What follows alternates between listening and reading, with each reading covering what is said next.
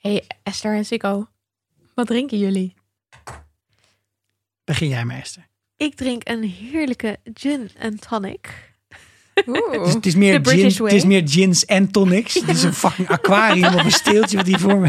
Het was ook iets. Ik, ik wist niet zo goed wat de, wat de afmetingen waren. Nee, of dus je verhoudingen. gewoon... Het is gewoon best wel stevige gin en tonic. Ja, ja, ja. Ik heb er net wat extra tonic bij gedaan. Sikko, Well, Sikko. en? I'm drinking the favorite drink of Margaret Thatcher. Oh, dat doe je heel goed, Sikko. Ja, wow. whisky. Maar ik snap nu wel heel goed waarom je altijd klinkt als een eh, rokende vrouw. Ik ga het hoor het even ineens. negeren. Nee, we zitten hier echt in een heerlijke Engelse setting. Luna heeft ook ehm Ik heb ook gin en tonic. Ik zie en niks ik heb ginger nuts meegenomen. Mee, En twiglets, voor wie dat iets zegt. Sikko, Wat- eigenlijk, je klinkt gewoon als een dronken Britse conservatieve politicus. En eigenlijk klinken alle Britse conservatieve politici klinken altijd dronken. That's what it is. That's what it is. Heel goed, oké.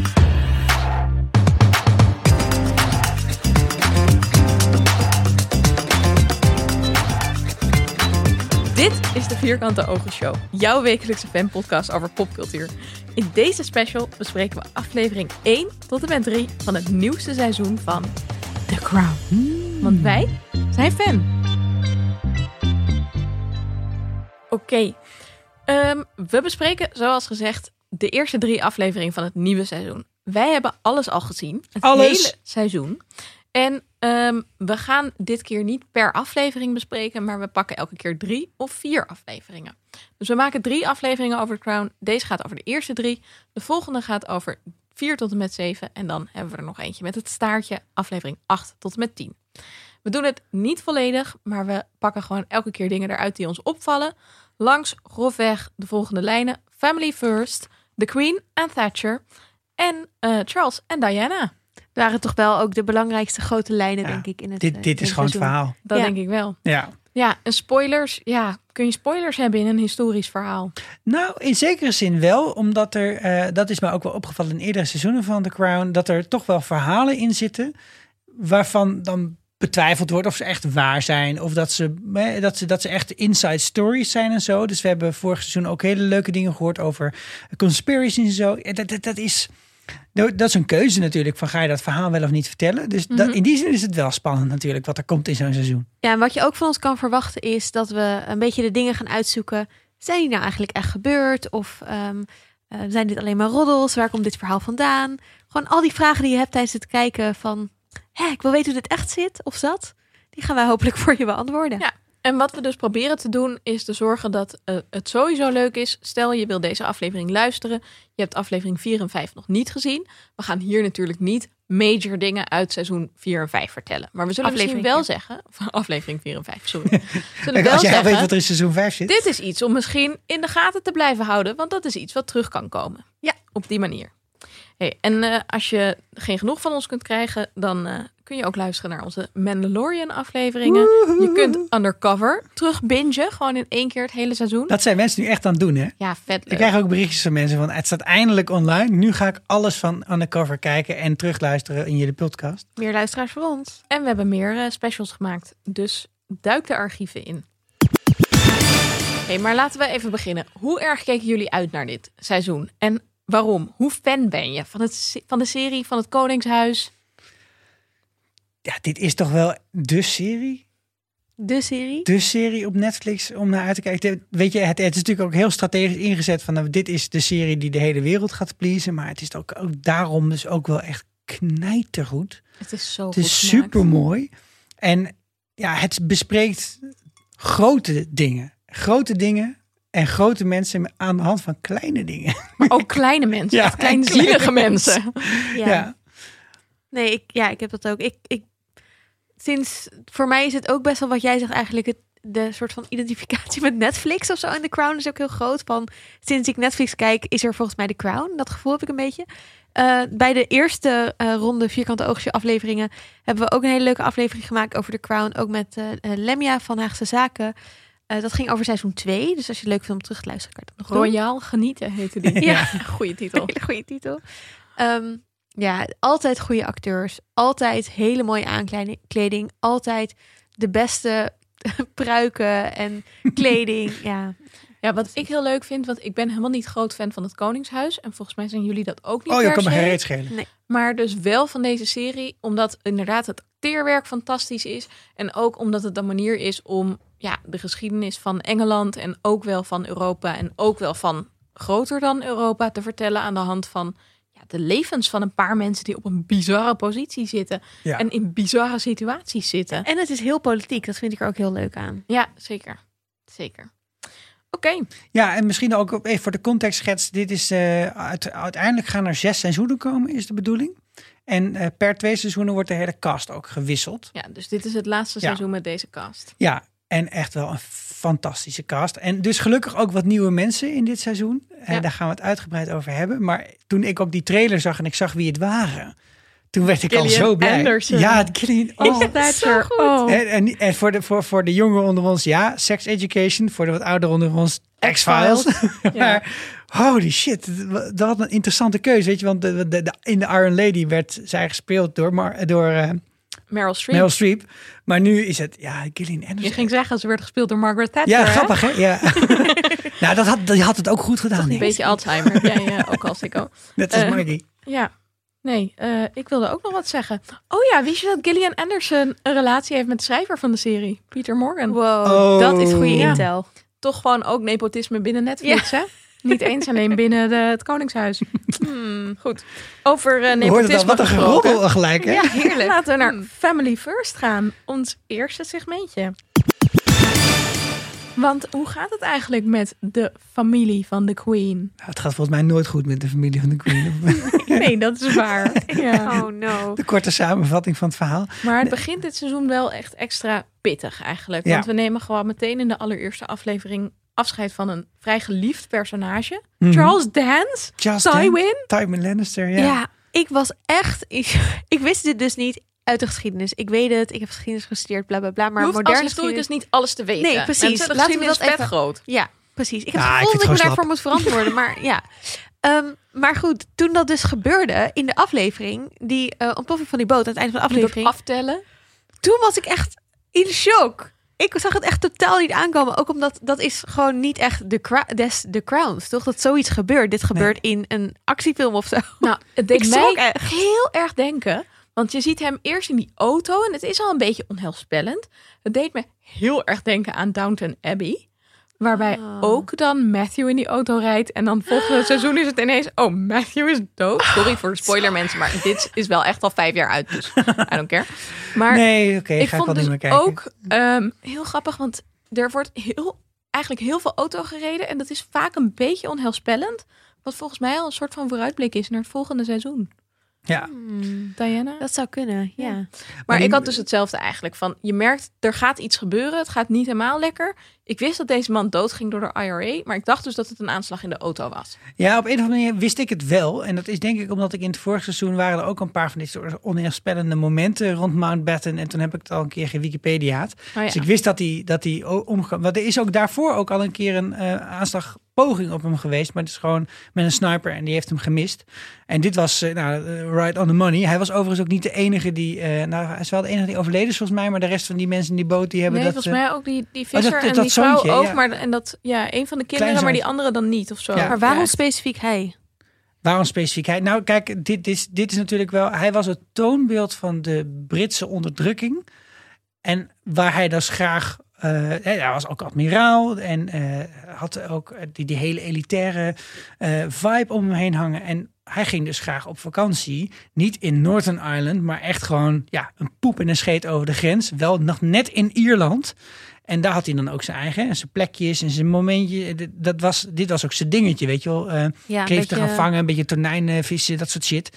En ja, dus, dus die IRA, die hoort dat ook een beetje in die voice-over. Van ja, hè, meneer denkt dat hij hier zomaar even elke keer binnen kan lopen struinen en een beetje de baas kan lopen uithangen. Nou, dat kan dus niet. Ja. Dus het is de perfecte symbolische aanslag op eigenlijk op het koningshuis en op zijn gedrag. En dat gedrag, dat dat laat Ja. heel goed zien hoe dat Koningshuis in de wedstrijd staat. Ja, de IRA richtte zich niet alleen op dus high-profile targets, maar ook heel erg op gewone mensen. Dus ook allerlei bommen in brievenbussen in Londen en zo. Dus Ja. was, ze hadden echt wel meerdere strategieën en dit was er eentje van. Zeker. Ehm. Maar de, de, de IRA heeft heel veel aanslagen gepleegd in de periode waar we nu eigenlijk naar kijken. Eh, ook op, eh, op, op AIDS, eh, hulp, eh, eh, hulptroepen en de confidence van eh, Margaret Thatcher. Het heeft haar ook echt getekend voor het leven en ook Ja. op haarzelf. Eh, eh, dus dit is, ja, dit is echt een heel groot thema uit die tijd. Ik vind zelfs ook dat, dat het in deze aflevering niet heel Misschien erg te uit de weinig, verf hè? komt. Ik, ik vond eigenlijk dat het niet heel goed uit de verf kwam. Ja, ik vond het, wat ik er heel goed aan vond, was ehm, eigenlijk dat je op het moment dat hij dood is, die eh, het verdriet van de familie ziet. En ook net daarvoor nog door Thatcher eh, die woede die ze aan de telefoon uitspreekt tegen de Queen. Van, we gaan terugvechten. Wat een soort vooruitblik ook is op haar strijdlustige houding het hele seizoen lang. Ehm, en waardoor je eerst heel erg aan de kant staat van eh, Mountbatten, van The Crown, van Thatcher en dus van de Engelse macht. Want ja, hun verdriet en hun woede zie je. En dan door die voice-over, die dan eh, vanuit het IRA-perspectief is, en de woede van de Ieren, zit je ineens heel erg van: oh ja, maar we hebben hier dus wel inderdaad een soort imperialistische grootmacht die Ja. niet Nee, oké dat, is. dat voelde ik wel. Maar goed, dat voel ik sowieso best vaak tijdens de Crown. Van, hoezo vinden jullie dit allemaal zo normaal? Dat Ja. jullie... ja, Maar goed. Ehm, maar nou, eh, met niet goed uitgewerkt bedoel ik... Ik had het toffer gevonden als we bijvoorbeeld gezichten hadden gezien van mensen uit IRA. Of Ja, als het iets meer soort van... Nu was het eigenlijk, vond ik, iets te veel een... ehm, hoe zeg je dat? Een, niet zozeer een, ja, een plot eh, device. ja het kan Het was meer eigenlijk een soort van: dit is een super spannend iets wat de familie overkomt. Ja. En daar, dat Ja. was eigenlijk de context. Het ging niet over het leed van de Ieren of wat, wat precies hun cast was of dat soort Nee. dingen. Het was meer, oh, en, en natuurlijk is het logisch, want we kijken dit vanuit de familie. Maar weet je, nou, ja, er komt later nog een aflevering waarin we wat uitgebreider ingaan in wel bijvoorbeeld het dagelijks leven in de tijd van, van Thatcher. En zoiets had voor van mij ook wel gemogen bij de IRA. eigenlijk een beetje wat je in het vorige seizoen met die aflevering van de mijnwerkers. Ja, Ja. Ja, dat was echt- Ja, dat zo'n hele, hele heuvel dieper. die naar beneden komt zeilen. Ja, Ja. dat, dat gevoel had ik ook wel. Dat, dat miste ik een beetje. En hierdoor komt het over, ook misschien bedoelde jij dat wel te zeggen, Esther, het komt een beetje over als een incident of zo. Of, of- ja en- terwijl het dus en onderdeel happening. was van een groter... Ja, dit, dat, dit was gewoon de manier waarop de IRA aan- aandacht vroeg voor hun zaak. En die zaak die was niet, niet zomaar, dat was niet totale bullcrap of zo. Maar- er was wel echt iets aan de hand. Kijk, het kan natuurlijk ook eh, dat zij ook uitgaan van kennis van een gemiddelde kijker die iets verder gaat dan die van mij. Dus dat ze een soort van nou ja, denken dat mensen de context hiervan weten. En nou, bedoel- de bedoeling omdat is ze dat wel dit af en toe eh, zo'n zo'n standalone aflevering hebben, denk ik dat ze dat ook in dit geval hadden kunnen doen. Maar wat misschien tegenwerkt hier is de timing. Dus dit, ze nemen natuurlijk elke keer een decennium. Ehm, en begin van het seizoen wil je denk ik niet zo'n standalone aflevering. True. Nee. En nu is het dus de opening met, hey, hoe gaat het? Iedereen is lekker zomaar aan het vieren, gezellig aan het jagen, dat soort dingen. En dan, dan wil je niet zo'n meteen een politieke standalone aflevering. Nou, wat, wat, natuurlijk ook wel zo is met, met The Crown aan zich, is dat het, eh, er er zitten weinig mensen in de buurt van de Britse royalty of in de politiek echt te wachten op iets als The Crown. Want er worden dingen uitgelegd en voorgelegd en in herinnering gebracht van... Nou ja, Oh ja, dat elke drie wel- afleveringen valt wel het woord hoe legitiem is eigenlijk. Exact, exact. En, en, Ja. en wat hier ook wel speelt op de achtergrond. We, we, het is misschien niet heel erg opgevallen, maar we gaan binnenkort naar een brexit. Eh, en eh, tijdens die brexit is de backstop bijvoorbeeld heel erg belangrijk. Over hoe zit de grens tussen Noord-Ierland en Ierland en et cetera. En dat is ooit beslecht met een, met een vredesbestand. De Good Friday Agreement. En dus de, een grappig feitje hieraan is, is dat deze meneer die deze aanslag heeft gepleegd, Thomas McMahon, dat die dus in de Good Friday Agreements destijds is vrijgelaten. Wauw. natuurlijk, en dat moet een aderlating zijn geweest. Dat moet Ja. echt een enorme de- vernedering zijn ja, geweest. voor- crown, voor een- de, het Koningshuis. voor het Koningshuis. Ja. En dit zijn nu shit die allemaal weer opkomt. En Hmm, dit, dit is natuurlijk wel, hè, dit is een tijd geleden. Dit is eind jaren 70, begin jaren 80. Maar voor iemand als Elizabeth, die fucking al iets van zes eeuwen Honderd meegaat, is dat gewoon gisteren. Zeker. Ja, oh ja, dat vind ik wel leuk. eh, leuk eh, Leuke insight. Ja. Hey, en ze gebruiken nu eigenlijk inderdaad niet zo heel erg dit verhaal om te vertellen over de relatie Ierland-Engeland, Nee. maar meer over de relatie ehm, Philip en Charles. Ja, Want dat is wel de kern van deze aflevering eigenlijk. Zo, dat vond ik echt goede scènes. ja. eh, vorig jaar, vorige seizoen hadden we al iets. Ja, zien we eigenlijk wel. eh, De eerste, eerdere seizoenen. dat de relatie tussen Charles en zijn vader. Slecht is. niet echt over huis te schrijven. En dat de relatie tussen Charles en zijn opa eigenlijk heel goed is. En dat vond ik best wel hartverscheurend. Dat eigenlijk het, de laatste, het laatste contact dat ze hebben is niet super goed. Maar dat hij dan wel nog een brief ook heeft geschreven. Ja. En Oh, die brief. Ja, en, en, en nog ter verheldering hoor, misschien heb ik dat verkeerd onthouden, maar, eh maar Dickie is niet de vader van, eh van Nee, oh, Philip. hè? wacht, het ja. is zijn Het oom. is een oom. Ik zeg Ja. opa, maar Ja. het is Philip's oom. vader is volgens mij jong overleden. Precies, en, en heeft, hij heeft zich ontfermd over de Ja. opvoeding van Philip. Ja. En dat is op een gegeven moment geswitcht. Ja, nee, zeker. En ehm, wat ik een heel mooie soort van vooruitblik vond, was dat je eigenlijk in, ik denk dat dat de tweede scène is van de aflevering, dat iedereen aan tafel zit. En dan gaat het ook over het liefdesleven van Charles. En dan gaat het over welke Borgia die nou weer aan het daten is en zo. En dan zit Philip ook al een beetje te haten op Uncle Dickie. Van ja, maar jij hebt dat huwelijk van Camilla in, in scène gezet. Hè? Jij hebt bedacht dat, dat Charles niet met, met haar mocht trouwen. Ehm, en dat zij met iemand anders moest. Dus daar wordt al meteen een beetje dat die, ja, die inmiddels vijandige houding tussen Uncle Dickie en Philip aangezet. En later begrijp je waar dat uit voortkomt bij Philip. En wat dat, dat dat eigenlijk ook een echt onzekerheid en gemis is. En misschien kunnen we daar eventjes naar luisteren. When he saw the the struggles between the two of us, he switched horses and started caring for you. I was no longer the priority.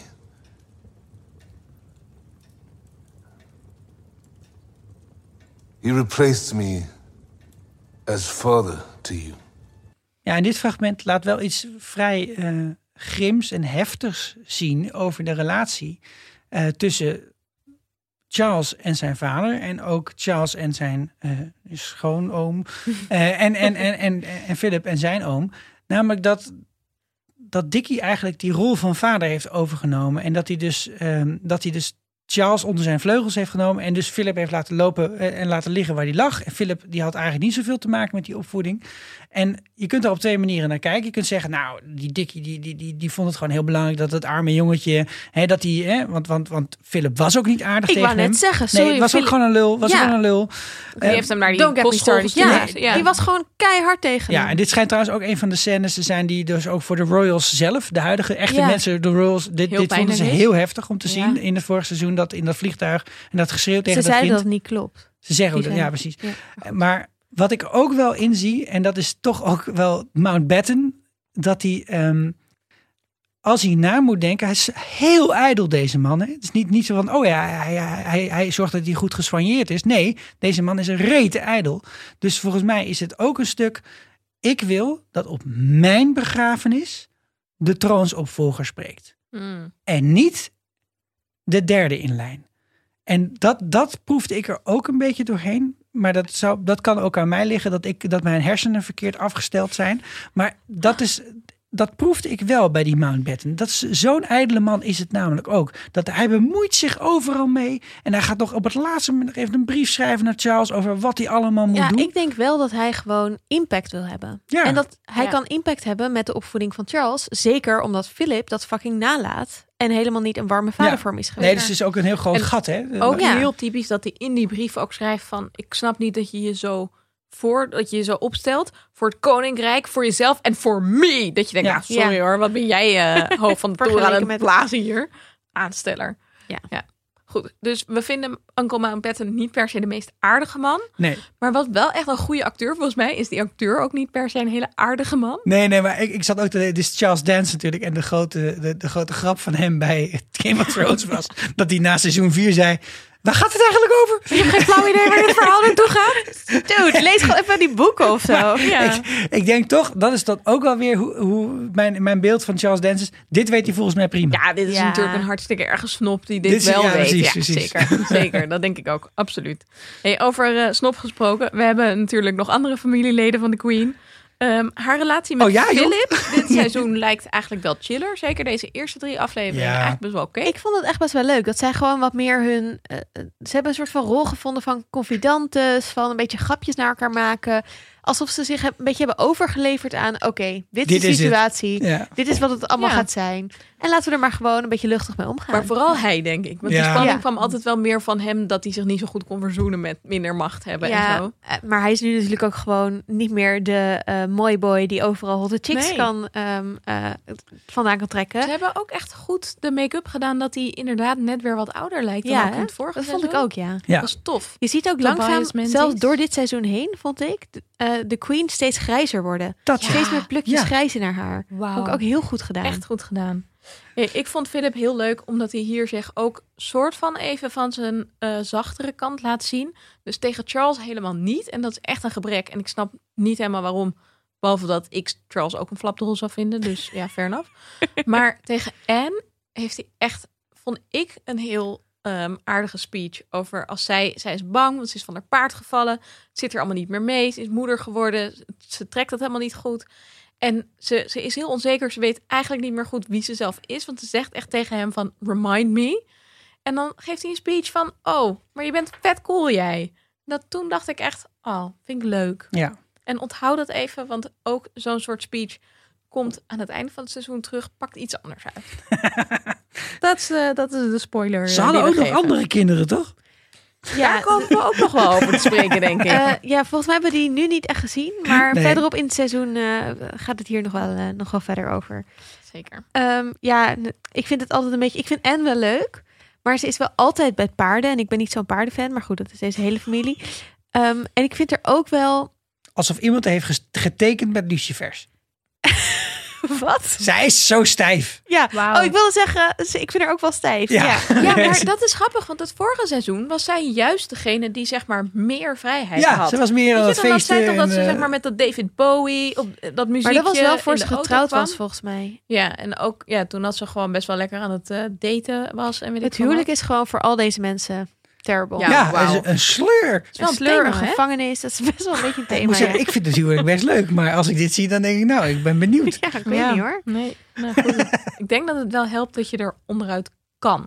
En Ja, Royal ja. mag dat dus eigenlijk niet. Nee. Wat ik ook wel heel leuk vond in die eerste afleveringen is dat je dus je ziet het koninklijk huis of de koninklijke familie vooral in ehm, eh, eh, vakantiestemming of op hun in Balmoral, een andere plek, gaat het er nog wat langer over hebben. Maar dat ze de hele tijd in allemaal ehm, eh, buitenkleding en gewoon het, het begint eigenlijk helemaal niet met de royal chicheid die we gewend zijn. Nee, Het begint met eh, ehm, laarzen en, en modder en dat soort dingen. vissen. Nou ja, ja. het, het begint wel met eh, die scène dat ze dus allemaal te paard zitten tijdens zo'n militaire optocht. Oh ja, Ja. ja. Dus het begint in vol begint ornaat. ja, ja, en ja. dan gaan ze ineens in de vakantie ontspannen en chillen. En dat is wel leuk, want ehm, de, de kostuumdesigner was Amy Roberts. Eh, die is in de 70, ook een fierce lady.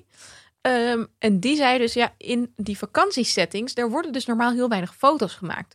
Dus eigenlijk hebben we helemaal niet zo'n idee van wat ze daar dragen of droegen. En Ja, daardoor had ze dus heel erg veel... Zo'n Febo-broek, zoals jij dat hebt besteld. eh, Luna. slippers. dat zou zo cool zijn. Ehm, maar daardoor had zij heel veel vrijheid om gewoon te denken, nou, wat zouden ze dragen? Ja. En ik vind het dus wel een heel overtuigende keuze. Dat je Ja. denkt, nou, gewoon praktisch, wandelschoenen, niet moeilijk doen. Zo'n gewoon- hoofddoekje zo. Ja, die sjaaltjes elke Zo keer. leuk. Oh, ik geniet er echt van. Ja, ik vond dit echt lekker. net zo leuk om te zien als alle super... Ja, oké, bijna net zo leuk als alle supermooie jurken. Ja. Hey, over iemand die een heel eh, standaard dresscode heeft, het hele seizoen lang. Margaret Thatcher zien we alleen maar in blauw, royal blue eigenlijk. En dat is wel ironisch, want ze is verder helemaal niet koninklijk. Helemaal niet. Nee. En haar relatie met de Queen is natuurlijk ook een van de grote thema's van dit seizoen. Wat vonden jullie daarvan?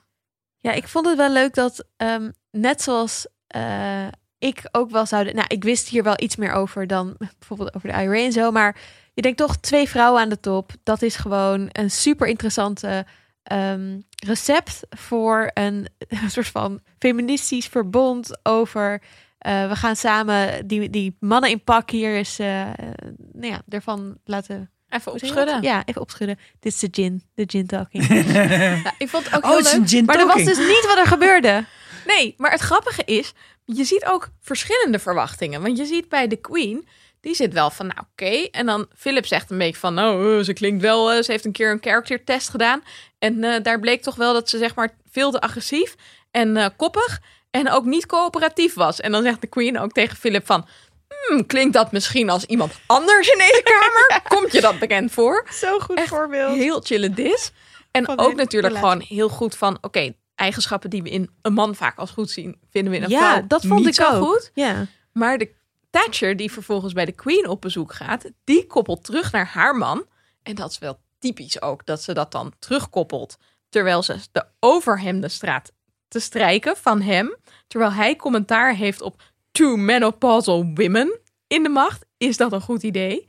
En zij koppelt dan eigenlijk terug dat ze de Queen eigenlijk indrukwekkender en slimmer vond dan ze had gedacht. Want ze had dus eigenlijk de indruk dat de Queen niet zo politiek en niet zo betrokken was.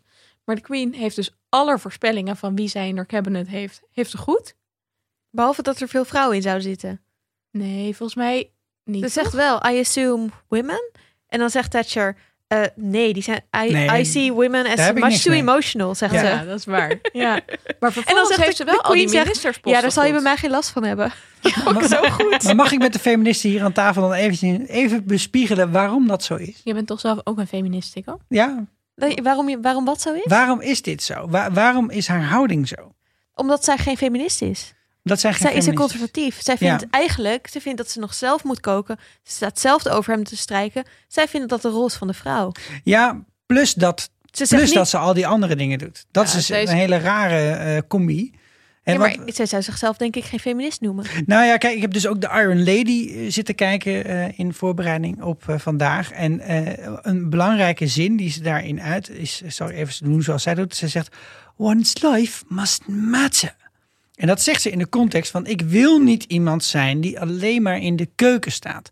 Ik wil niet iemand zijn die leeft voor een ander. Ik wil, hè, dit zelf, ik wil het zelf bereiken en ik wil laten zien wat ik waard ben, et cetera. Dus ik heb bij haar, het, is niet, het is niet mainstream feminisme misschien wat zij, wat zij eh, uitademt. Maar ze zegt in zekere zin, al die dingen die verwacht worden van een vrouw, die doe ik. Plus, Plus, ja, maar volgens mij is dat Ja. een soort van ultiem juist liberaal-achtig. Van Ja. iedereen moet de kans Ja. hebben. Iedereen heeft, de, dat zegt ze ook op een gegeven moment van... eh, ja, iedereen kan dit doen wat ik doe. Je moet gewoon heel hard werken. je moet ervoor ja. kiezen om meer te doen dan je anderen. En je moet niet zo emotioneel doen. en Ja. moet niet zo- dus dat is, dat is een andere ideologie dan het meer feministische van... we moeten het zo creëren dat... En, en, en om die reden, kijk, dat zit dus heel erg in haar, in haar eh, karakter, of in ieder geval in haar politiek. En volgens mij het feit dat er dus ook geen enkele andere vrouw in dat kabinet zit. Dat heeft vooral te maken met hoe bijzonder ze zichzelf vindt.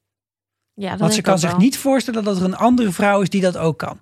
Maar misschien zijn er op dat moment ook niet veel vrouwen die... Zeg maar, dat is denk ik ook niet hoe Ja, zij... dat is een beetje een Rutte-argument, Nee, toch? nee, maar nee, ik bedoel meer dat die de kansen hebben gehad die zij heeft Ja, gehad. Dus zij ziet haar eigen ja. privilege niet. Ja. Zij denkt van ja, nee, ik heb gewoon heel hard gewerkt en dat zouden andere mensen Ja. ook moeten doen. Maar het Dat feit dat komt ze ook wel Oxford heeft nog gezeten. later en- even aan bod van hoe zij opgevoed is en hoe ze naar haar eigen eh, moeder en haar eigen dochter kijkt. Zij is Ja. dus eigenlijk ook ehm, een voorbeeld van het type feminisme, het queen bee feminisme, Ja. waar altijd van wordt gezegd vrouwen aan de top zijn vooral ruk naar andere vrouwen toe. dat is, dat dat is- echt heel erg. Ja, de Ja. krabbenmand, ehm, waarvan inmiddels ook wel weer eh, waar vraagtekens bij te plaatsen vallen, laat ik het zo zeggen. Ehm, maar goed, zij, zij vertegenwoordigen een bepaald type feminisme dat inmiddels niet meer het gangbare feminisme Nee, nee, is. pro- volgens mij. probeer gewoon ook geen uitspraken te doen over de werkelijkheid, maar gewoon hoe, Nee, hoe ik zij in de ja, wedstrijd denkt. is wel Dat zo, is heel toch? bijzonder. Van ja. fucking, ik ben hier gekomen en eh, je moet van goede huizen komen. Wil je bewijzen dat je net zo cool bent als ik? Zeker. Het is grappig, want het is eigenlijk een beetje het Nelly Kroes feminisme. Behalve dat Nelly Kroes ineens vijf jaar geleden dacht... Nee, wacht eens even. Toch maar niet. Ik ben wel voor quota. Ja, Toch chill. Dat is wel heel Goed. chill. Ehm, ik vond het ook ehm, eigenlijk... Het, het levert wel spannende televisie op. Oh. Vooral als Margaret ehm, daarbij Balmoral komt. Je hebt echt de leuk. clash van twee culturen. ja.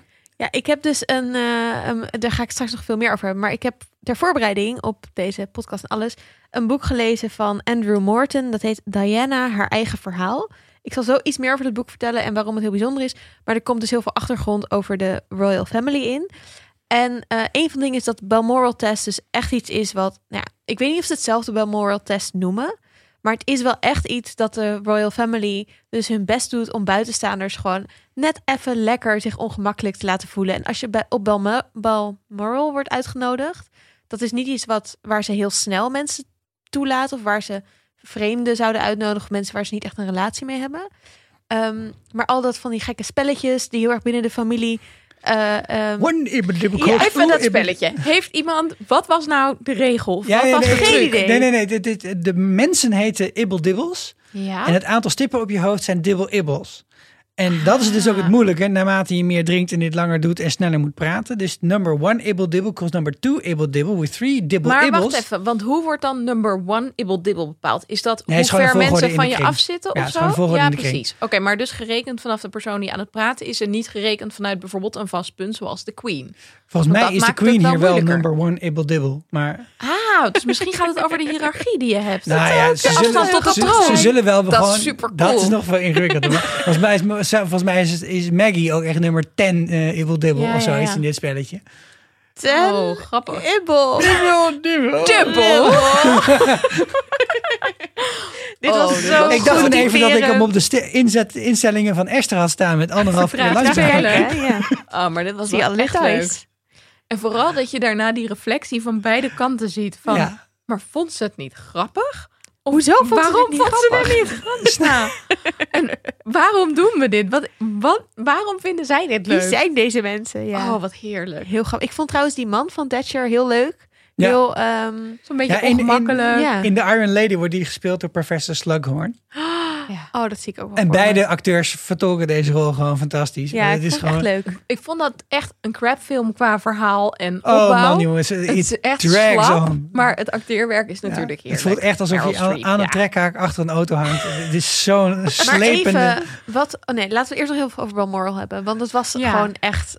Memorial. ik Ja. zou ook best wel ervan balen. Maar gewoon dat, dat, dat zij er dan komt. En dit is dus ook echt gebeurd. Ik heb het even opgezocht. Dat zij daarheen ging en dat ze alleen maar haar hoge hakken en er een eh, kamelen, kamelenharen jas bij zich had en zo. Oh en dat ze dus wellies moest lenen. Maar En wat ik is ook zo bot dat er gewoon wel meteen gevraagd wordt: heb je ook wandelschoenen bij je? En dan niet vervolgens de volgende dag gezegd wordt: goh, jullie gaan jagen. Hier zijn een paar wandelschoenen. Het is Ja, zo passief-agressief. Dan, dan kom je dus hè, met van hier is het protocol en dit moet u doen. In deze kamer slaapt u en daar moet u neuken en hier moet u schijten. En alles wordt uitgelegd hoe je wat moet doen, wanneer en hoe laat. Maar dan zeg je, ga je, morgen ga je jagen. Ja, doe gewoon wat aan. Nee, ja. sorry, maar volgens mij één heeft ze gewoon een paklijst gekregen. Ik kan me niet voorstellen dat ze niet hebben gezegd: je moet makkelijke schoenen meenemen. Heeft ze gewoon niet gedaan. Twee, volgens mij had ze gewoon Oh, geen zin. jij legt om- het gewoon bij Margaret. Ja, want ze, ze zeiden tegen haar: oh, je, ga je anders gewoon even omkleden? Dan kom je daarna mee. En daarna kwam ze gewoon niet. Ze bleef Nee, gewoon. Ze heeft er gewoon geen zin in. Want dat is toch ook wel een beetje de hint van ja, hallo, je moet weer weer een uur Het terug was ook rijden echt en dan een ben je misschien op tijd rijden naar die plek waar ze waren hoor. Ik zou ook mijn kans schoon zien. Ik zou ook Doei. zeggen, het is goed. Maar wat ik heel grappig vond om als achtergrond te lezen, is dat blijkbaar hebben ze elk jaar eh, dan ook allemaal barbecues daar en zo. En dan gaan ze al hun vers geschoten dingen gaan ze roosteren. En dat dan Margaret Thatcher blijkbaar heel erg onder de indruk was dat de Queen dan een van de mensen is die gewoon de afwas gaat doen. Of die dan dingen gaat schoonmaken. En dat ze had gezien dat ze dat met blote handen deed. En dat ze toen als een cadeautje na afloop van haar be- bezoek aan Balmoral... ging ze rubberen handschoenen opsturen naar de Queen. Oh my god. Ah. Ik heb hier ook een fun fact over. Ik heb namelijk een boek gelezen van de hofdame van eh, Margaret. Wij doen onze research, mensen. Ja. research. En die vertelt Zeggen dus ze met een inderdaad glas ook. gin tonic in de handen. Die wordt dan op een gegeven moment uitgenodigd voor de picknick bij de Royal Family. En ehm, dan gaat ze met haar man na afloop van de picknick... gaat ze de bordjes terugbrengen naar het zeg maar, mini-keukenwagentje... waarin al die dingen staan. Maar dan wordt ze dus door Philip en door Anne echt aangekeken van... waar de fuck ben je mee What bezig? are you doing? Kijk uit. Want als je het niet precies op het goede plekje teruglegt... dan wordt de queen fucking boos. Zo chill. Oh my god. Zo Ja. lekker gewoon gebleven, hè? Ja, Ja. heerlijk. Nee, maar hier zit in, in dit, deze aflevering, hebben over de tweede aflevering natuurlijk, zit natuurlijk de, de, de klassieke clash tussen mensen die zichzelf from rags to riches hebben moeten opwerken. En zo ziet Thatcher zichzelf. Eh, One's life mu- must matter. Ik heb echt mijn best gedaan. Ik ben, eh, my um, work was a pleasure, zegt ze ook hè, Oh ja, over ja. haar en haar vader. En dan de andere kant van de mensen, ja, die hebben het letterlijk in de schoot geworpen gekregen of zijn uit de schoot geworpen met dit eh, privilege. En dat, dat clasht gewoon als een Tierenlier. beest op elkaar. Ja, maar dus En, en, en de, de, de mooiste scène die dat laat zien, vond ik toen de twee Maggies elkaar ontmoeten. Ja. That chair. No one sits in that chair. Queen Victoria's chair. Oh. And you do realize this is supposed to be a bank holiday. Yes. Al- Although it is hard to have a holiday when the country is in its current state. Hmm. The country has been in a state before. It will doubtless be in a state again. One learns, when one has the benefit of experience, that sometimes time off is the most sensible course of action. Ik vind dit ook zo heerlijk. Van dit, dit is de stoel, stoel van Victoria. En dan mag je niet zitten en hè, zo'n spelletje spelen. Maar En dat ook- is toch echt zo, Esther? Ja, nou, dat werd dus ook genoemd in dat boek. Dat dat van die stoel, dat dat echt iets was wat, wat ze blijkbaar zeiden. Dat ze dan heel Oh moeilijk gingen doen als mensen op bepaalde stoelen wilden zitten. Van nee, dat kan echt niet. Niemand Nee. zit ooit op die stoel. Je mag dus ook niet gaan zitten in gezelschap van de Royal Family, zolang een van de Royal Family members nog staat. God. En ze staan dus de hele tijd. Gewoon voor de gezondheid of zo. Dus je mag gewoon de hele tijd niet zitten als je in een Zo, bijzijn ja, bent. ja. Zo kut. Zelfs die ene scène dat ze zo'n borrel hebben in zo'n soort... eh, Oh my God, in op zo'n cirkel. Toen dacht ik, is dit een coronaborrel? Maar Oh jij zei, je had het over dat we. Ben het sorry, met je ik eens, die clash van, Ja, ja. van. Maar ik vind wel.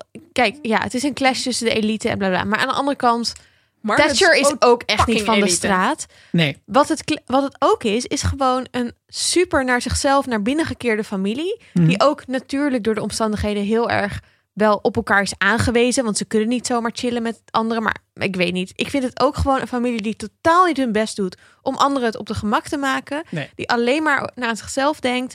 En mm, kijk, het is wel leuk om te zien dat ze nu iets meer met elkaar chillen dan in de vorige seizoenen. Dus het is wel leuk dat ze echt die familieband hebben, dat ze met z'n allen zijn, dat ze zich vermaken. Maar aan de andere kant vind ik het ook ongemakkelijk en denk ik er ook bij. Ja, weet je, je kan ook een beetje je best doen. Het is echt alsof ze er pesten. Het is, het is onaardig, want deze Ja. mensen zijn heel goed in mensen op hun gemak stellen en aardig doen. Want dat is eigenlijk hun taak. En ook de opvoeding in elk geval van die ehm, vrouwelijke leden van de adellijke families zijn heel erg daarop gericht. Maar die van mannelijke eh, familieleden eigenlijk ook. Heel diplomatiek, altijd zorgen dat je eh, de sfeer goed houdt. Dat je misschien niet je politiek uitspreekt, maar wel een onderhoudend gesprek hebt. Waarbij mensen pas een dag later denken, Wat zei die eigenlijk? Ja. Ehm, iemand die zich daar niet aan hield was dus Philip, de Duke of Edinburgh. Daarvan wordt dus echt altijd gezegd van, nou, dit is dus iemand die dat niet doet. En iedereen is altijd vet ongemakkelijk in zijn gezelschap. En dat weet hij ook. Wat ik ook wel weer meesterlijk vind eigenlijk. Troll. Maar ik heb wel het idee dat ehm, de Royal Family het een, een, een privilege vindt dat ze dat dus op hun eigen vakantiehuis niet hoeven te doen. Dan moet je haar niet uitnodigen. ja. Ja, of je moet verwachten dat iemand daar zich voegt naar de normen die in, in het huis gelden. Een beetje van ja, eh, eten wat pot schaft. Dat idee. Ja, maar wees dan ook duidelijk over. Is, is, is wel een beetje het gevoel dat ik dit, dit is gewoon dit is gewoon een psychopathisch spelletje. Ja, dit maar is gewoon vooral macht. dat idee van is er eerst drinks en dan ja, dinner. Dat je en, denkt, nou oh, straks mensen, in even pyjama na het eten. Ja, ja, hallo, jij Zo gaf in de... Ja, maar ik ga nog een lans breken voor Maggie. Want ik snap wel wat je zegt, Esther. Het ze klinkt alsof ze 60 kilo aardappel in de keel heeft zitten. En dat snap ik. En ze, heeft- ze draagt parels en de hele rimbam. Eh, die parels Jij ze- bedoelt eh, Margaret uit de Royal Family, toch? Nee, ik bedoel Margaret Thatcher. Oh, Margaret Thatcher. die- zij, zij, klinkt, zij klinkt heel elitair. En ze heeft parels om de nek hangen. Die heeft ze overigens gekregen van haar man toen ze haar tweeling kreeg. En dat was een heel groot. En daarom, ja, en daarom draagt ze het ook altijd. Ze heeft niet steeds andere parelketting om. Ze heeft die ene parelketting om. Dus ze, heeft niet, ze heeft niet elke keer een nieuwe ring met een diamant. Ze heeft die ene ring met een diamant om. En ehm, ik heb hier bij, bij haar toch echt wel... Er zit een hele harde strijd tussen ik heb dit verdiend. En dat heeft ze ook echt gedaan. S- natuurlijk, ze is naar Oxford geweest. Ze heeft daardoor, daardoor een privilege gekregen. Maar ze is ook naar Oxford geweest als een van de alle nee, eerste. dat is ook wel zo. En, en, dat, en dat, dat komt heel erg. Dat clash met elkaar in deze scène. Met zo'n Margaret uit de Royal Family. Die, eh, die haar gewoon zit te fucking sarren. Zit haar gewoon te pesten. Ja, En, en, en zij die zoiets heeft van. Ja, maar weet je, ik ben verkozen om dit te doen. En, en ze, jullie ze hebben me het- uitgenodigd. Nee, ik, ik, maar ik nam neemt het ook, op- fucking serieus. maar ik nam het op voor haar. Hè. Ik vind dat de familie haar echt belachelijk behandelt. Oké. Zeg maar, ik vind het eh, dat je eigenlijk wat je dus ziet is dat Zeker de Royal Esther weer Family. gemansplained. Tering. Nee, nee, nee. Nee, maar dat ze haar gewoon buitensluiten en dat ze het niet serieus nemen en dat ze er alleen maar zitten te pesten, vind ik Ja. echt niet leuk. Nee, en het is wel heel tof, want dat zeggen ze ook wel op een gegeven moment van, nou ja, ze gaat gewoon eerder weg. Ze denkt gewoon, stik er allemaal maar in, ik heb wat anders te doen. En dan is iedereen ook vet verbaasd, want al die andere hielenlikkers, die bleven dus wel altijd. Ja, en die ja. deden gewoon braaf Die vonden mee. het waarschijnlijk ook helemaal niet leuk. Ja, of, of wel. En ze waren gewoon al flabbergasted en mindblown dat ze hier op bezoek mochten komen. En dat ze het zover geschopt hadden in het leven. Terwijl zij meer perspectief eigenlijk houdt daarop. Want dat is natuurlijk waar die scène van Margaret en Margaret over gaat. Over perspectief Ja. op wel het werk dat je doet en de rol die je hebt in de geschiedenis. En Ja.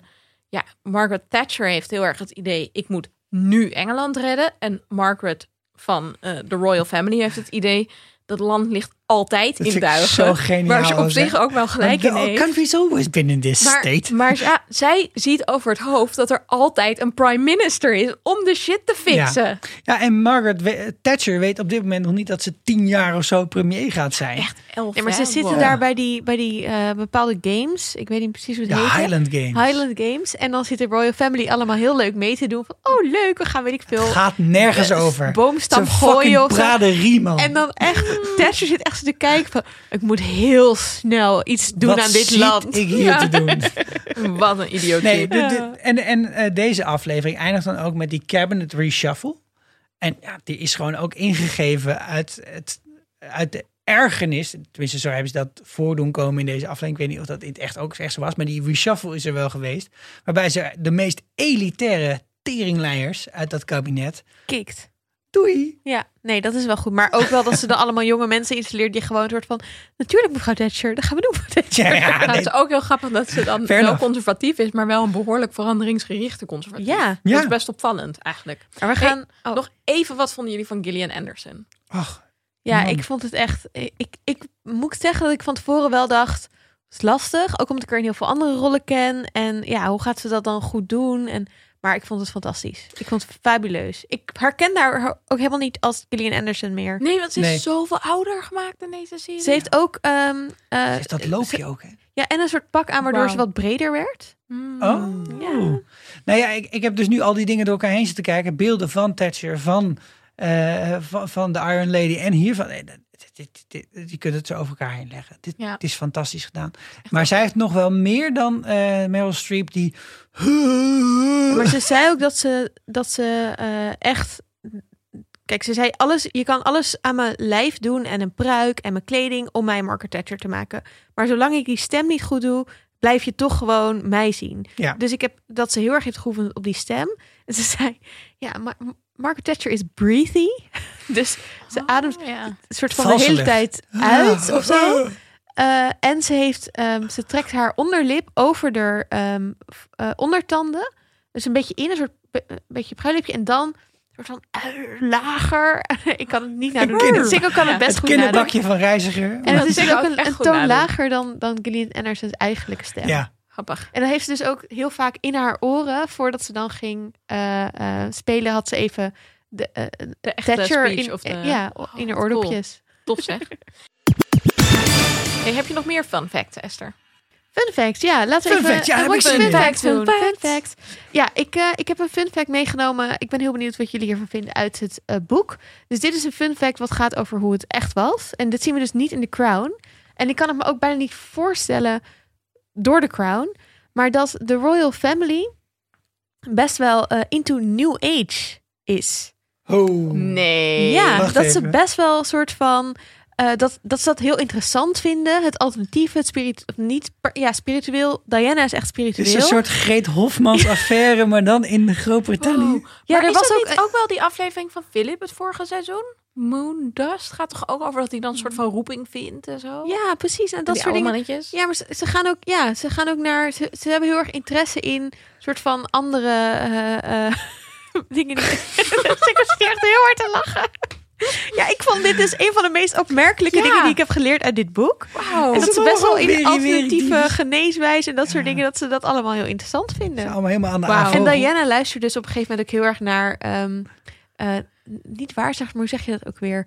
Nou, mensen die soort van naar de sterren en dat soort dingen gaan kijken. Astrologen. Astrologen. Oh God. De En die dan ook echt allemaal van die dingen zegt als ja, je gaat waarschijnlijk met een eh, man uit het buitenland. eh, en dan nou ja, gaat ze natuurlijk met op, een gegeven moment als ze van Charles Door die weggaat, Alfayet. Dodie Alfayet. En allemaal dingen waar ze dan ook heel erg ja, dat ze daardoor haar spirituele zelf veel meer vindt. Ja. Vond ik een interessant fun feitje. Maar dus de Royals zijn daar ook helemaal ja. mee. Nou, niet zo ver als Diana, maar wel dat ze het allemaal best wel interessant vinden. En ook wel gewoon mensen uitnodigen op Paleis die er Ik, hun ik, dan ik, ik, daar dingen over gaan vertellen. ik, ik kan me dat invoelen bij een soort een, een, een fase van Margaret. Ja.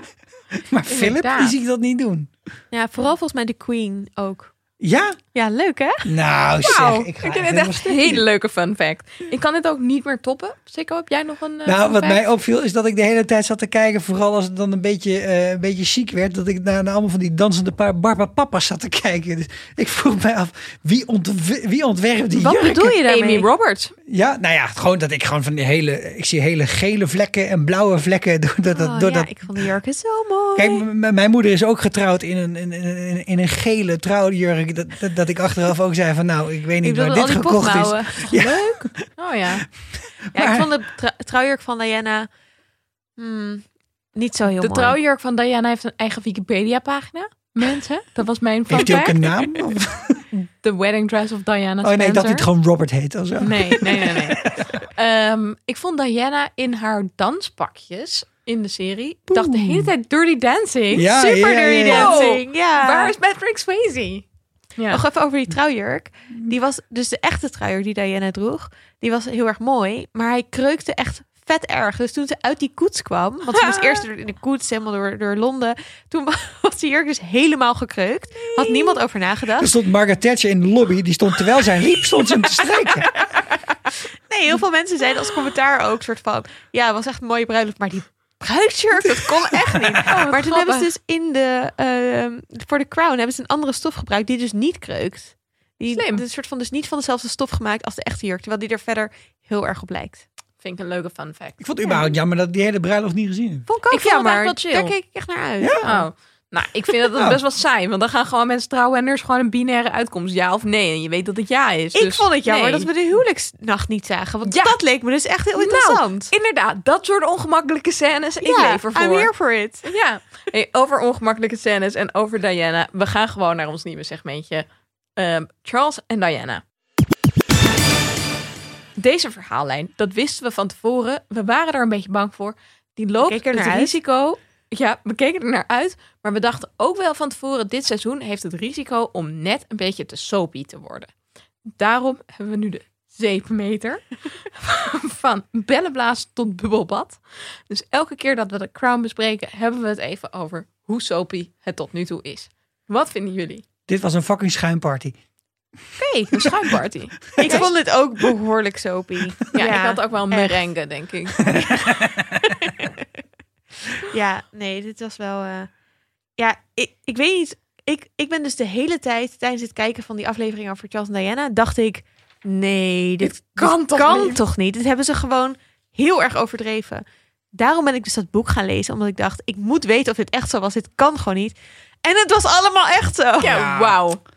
Ja, volgens Diana. Volgens Diana. Ja, want dit is dus wel een interessant verhaal. Want ehm, toen ze ehm, ongeveer waar, waar de serie eindigt, dus zeg 1992 of zo, in ieder geval het verhaal van Diana eindigt rond, rond die tijd. Ehm, Heel Maar wacht even. Eh, het seizoen bedoel je nu? oh, sorry, het Ja. seizoen. Waar het seizoen ja, eindigt. Rijn, 92? Ik dacht 90 eigenlijk. Maar... Nee, volgens mij is haar bezoek aan Amerika, wat we in, aan het eind zien. Nee, maakt Ah, ook oké. niet uit. Nee, Ehm, maar eh, dan gaat het niet zo goed met een huwelijk. nee. Het gaat, gaat al vanaf het begin niet super goed. Ik wil dat zeggen, dat Maar- niet uit een vliegende staat gaat. In die tijd voelt ze zich heel erg opgesloten in dat huwelijk, kan ze er ook niet uit. En ehm, dan benadert ze, eh, of dan komt ze in contact met Andrew Morton. Dat is een journalist die een paar keer positief over haar heeft geschreven. Of dat zij denkt, nou, hij kan wel echt mij goed mijn verhaal vertellen.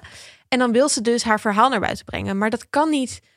Ze kan hem niet uitnodigen op het paleis om haar te interviewen. Want dan weet iedereen dat ze meewerkt aan een boek. Want ze wordt vet in de gaten Want gehouden, hè? ja, iedereen is Overal haar aan het bespioneren. Dus dan gaat ze, iemand anders interviewt haar, dat neemt ze op op tapes. Die andere persoon neemt die tapes mee. En deze gast heeft dat dus allemaal uitgeschreven en verwerkt in een boek.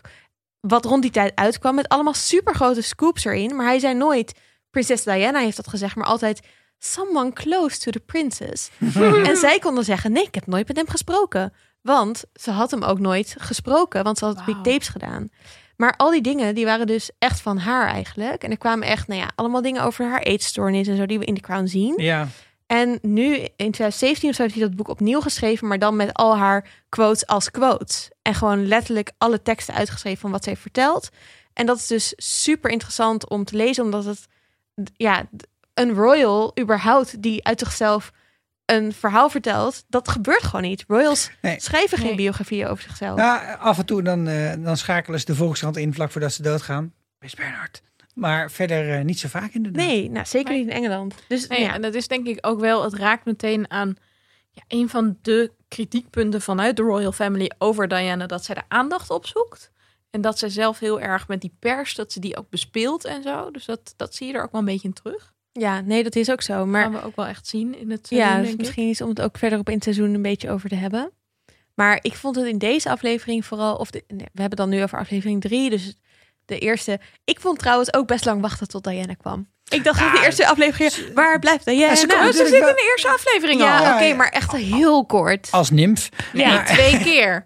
Als bosnimf en daarna naast die auto om, om, om condolences te wensen. maar dat is nog heel kort. Ik wil Ja, je ziet wel dat, dat, dat, dat is misschien ook wel een interessante eh, de vraag zo van hoe komt zij nou bij hem terecht? Ja, Want, want haar zus is een vriendin van Charles, toch? Dat is dan- een date van Charles. Een Het date is gewoon van een Charles. love interest van Precies, Charles. ja, dat, dat, dat was mij niet eens daar. Ja, dat is wel... maar dat, is ook, dat ligt ook aan Charles, dat ligt niet aan mij. zoveel vriendinnen. Nee, maar En niet alleen die jongen, weinig- gewoon een, geen emotionele eh, Nee, wereld lijkt het wel.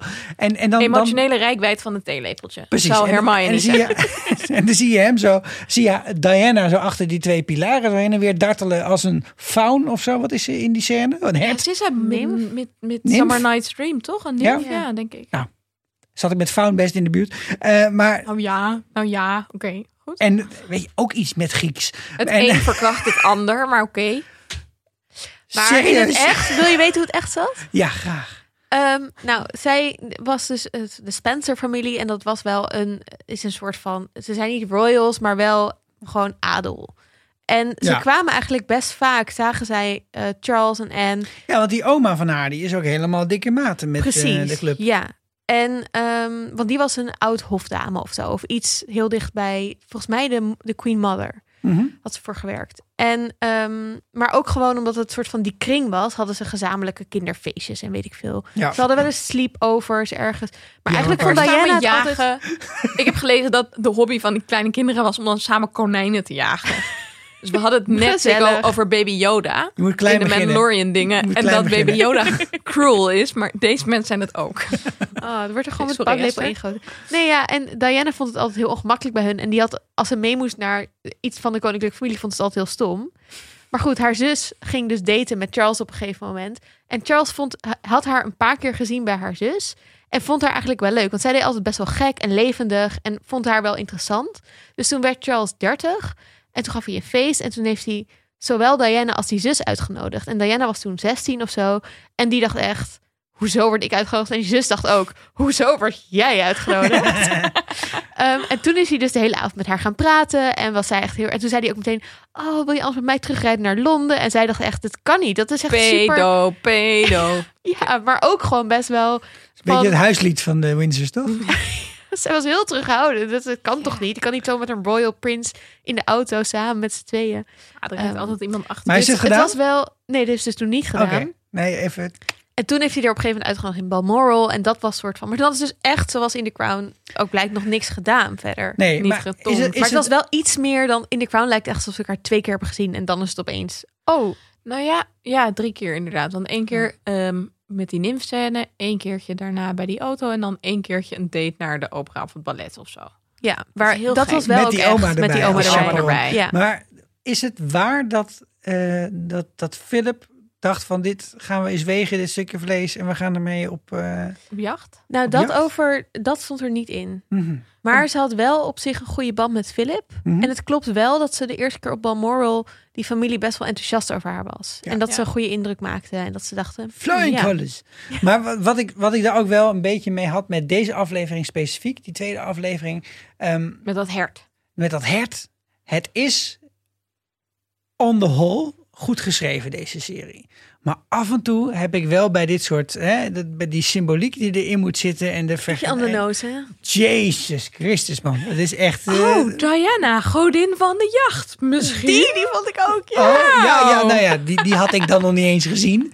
Maar moet je voorstellen dat, ja, ik had wel bij een paar van dit soort momenten Ja, zeker. zo, het ligt er wel een beetje dik. Ik vond het ook heel jammer dat, er, dat het hert niet gefilmd werd door Charles Dane. Ja, Just Dance, ja. Charles sorry. Ja. Ja, maar wel leuk dat Game of Philip het deed. Maar ehm, wat ik gek vond, ehm, ik vond het heel leuk dat ze inderdaad bij die familie komt en dat iedereen heel enthousiast is. En ook dat je dus eigenlijk vanuit Charles ziet. Oké, die heeft van Uncle Dickie, die net dood is, de opdracht gekregen: find a suitable wife. Nou wordt het tijd. En dit is de eerste chick die hij tegenkomt nadat Uncle Dickie dood is. En dan denkt hij, oh ja, je bent grappig en je bent anders. Nou, oké, let's go for it. Dus vanuit hem zie je een soort van, weet je, dit zou handig zijn, goed uitkomen. Let's give it a try. Oké, nou ja, goed, doe maar dan. Maar vanuit haar, want dat snap ik niet zo goed. In de eerste scène, er wordt steeds een beetje de suggestie gewekt dat ze heel onschuldig is en niet zo goed weet hoe het werkt en heel naïef. En tegelijkertijd vind ik er in die eerste scène heel manipulatief overkomen. Met, ehm, Als ze als nimf in dat ding Oh. ronddartelt van, oh, ik mocht echt niet langskomen. ja. Maar dat mocht echt niet van mijn zus. En dan, Nee. oh, maar ik moet Nee, echt maar hier langs. ook- ook met die begrafenis probeert ze, de, ze, ze, ze, ze lijkt zichzelf steeds op een nette, op een handige manier voor te sorteren om hem toch maar weer even te zien. En, en ook steeds te doen van, ja, ik was hier toevallig. Wat helemaal niet raar is, hè? als je gewoon een crush hebt op iemand. Hele logisch. volgens mij had ze echt wel een crush op hem. Ja. Bij een crush wat- hoort een klein, hoort een klein beetje stalken. Ja, Ja, ja, dat is wel echt goed je te zeggen. Maar het klopt wel dat ze dus op de, dat feest van hem of zo, of op een moment wel echt tegen hem zegt van, goh, dat, dat de ijsbreker eigenlijk is dat zij zegt, oh, ik zag je bij de begrafenis op tv en eh, ik vond het, dat je er heel verdrietig uitzag Oh ja. en eigenlijk heb je iemand nodig. Dat zei, ik, volgens mij heb je iemand nodig die er voor jou is en je zag er eenzaam uit en hoe gaat het met je? En dat dat eigenlijk het moment was dat hij, of in ieder geval dat zegt ze zelf, dat ze denkt dat het moment was dat hij er echt ging zien als, oh, maybe. hmm, Interessant. Ja. Ja. ik Dus vond dat het was op zich wel een soort van goed gedaan. Nee, ik maar- geloof ook wel dat het in eerste instantie dat het is, oké, interessant, dit is een royal. En ondanks dat het misschien als kinderpartijtjes ongemakkelijk was, op een gegeven moment krijgt dat misschien allure. Als je 18, 19 bent en je denkt, nou, hè, mijn leven als kinderjuf is misschien gewoon soms een beetje saai.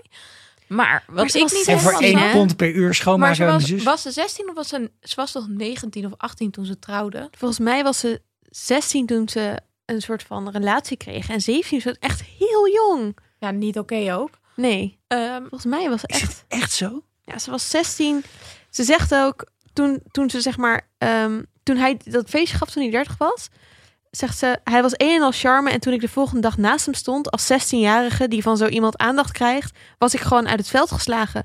Waarom zou iemand als hij belangstelling tonen voor mij? Dat is een soort van... Nou, en Ja. dat, dat is ook wel iets wat ik in deze eh, serie eh, een beetje. Het is eigenlijk een beetje net als bij Game of Thrones, een beetje bijgepolijst.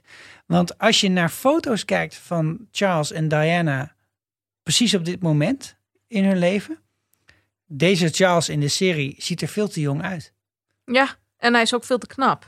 Ja. Dat, dat, dat ook. Maar, Maar- maar, in, het, zeg maar in het echt zag je, er, zag je er echt al veel ouder uit. En, en zij dan niet per se heel veel jonger eh, dan ze in de serie eruit ziet. Maar ja, daar zit gewoon een enorm verschil tussen. Nee, zij komt uit 61 en ze zijn in 81 getrouwd. Dus Ja, ze was toen wel wel- 20. Dus ik, maar ze kenden elkaar al wel een tijdje. Maar wat mij niet helemaal duidelijk... Oké, misschien heb je in het begin die infatuation en die crush en dat stalkerige. Oké, whatever. maar op een gegeven moment krijg je echt heel veel alarmsignalen. Dat iemand eigenlijk verliefd is op iemand anders. En waarom ga je op dat moment door met een huwelijk? De serie weet mij hier geen overtuigend antwoord op te bieden. Dus ik hoop dat er een overtuigend antwoord komt op het, uit het boek. Maar ik wil ook aankaarten dat ik het schrijfwerk dus niet fantastisch vind. ik vond het, ik vond dat, vond ik in, van de serie. Ik vond het ook niet overtuigend dat zij ehm, best wel positief wordt onthaald in die tweede aflevering op Balmoral. En dan in de derde aflevering de hele familie haar gewoon totaal niet verwelkomt, niks tegen haar zegt, koud laat het queen zegt ja nee De ik rest van het seizoen zijn ze fucking onaardig ja, waar tegen komt haar. dat vandaan? Zeg maar, en dat weet ik nu wel door het boek, gelukkig, maar dat is gewoon niet zo goed geschreven, vind Nee. ik. Maar op de vraag, eh, het antwoord op de vraag waarom doet zij het? Ja, Mhm.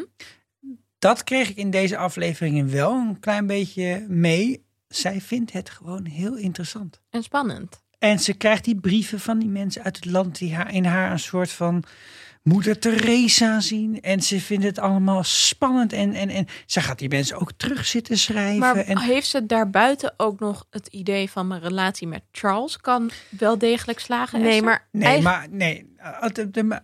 Even, tuurlijk, komen zo bij haar Mhm. inner thoughts. Maar wat er nu blijkt uit, uit dit verhaal is... zij vond het altijd al heel erg interessant om iets met een royal te doen.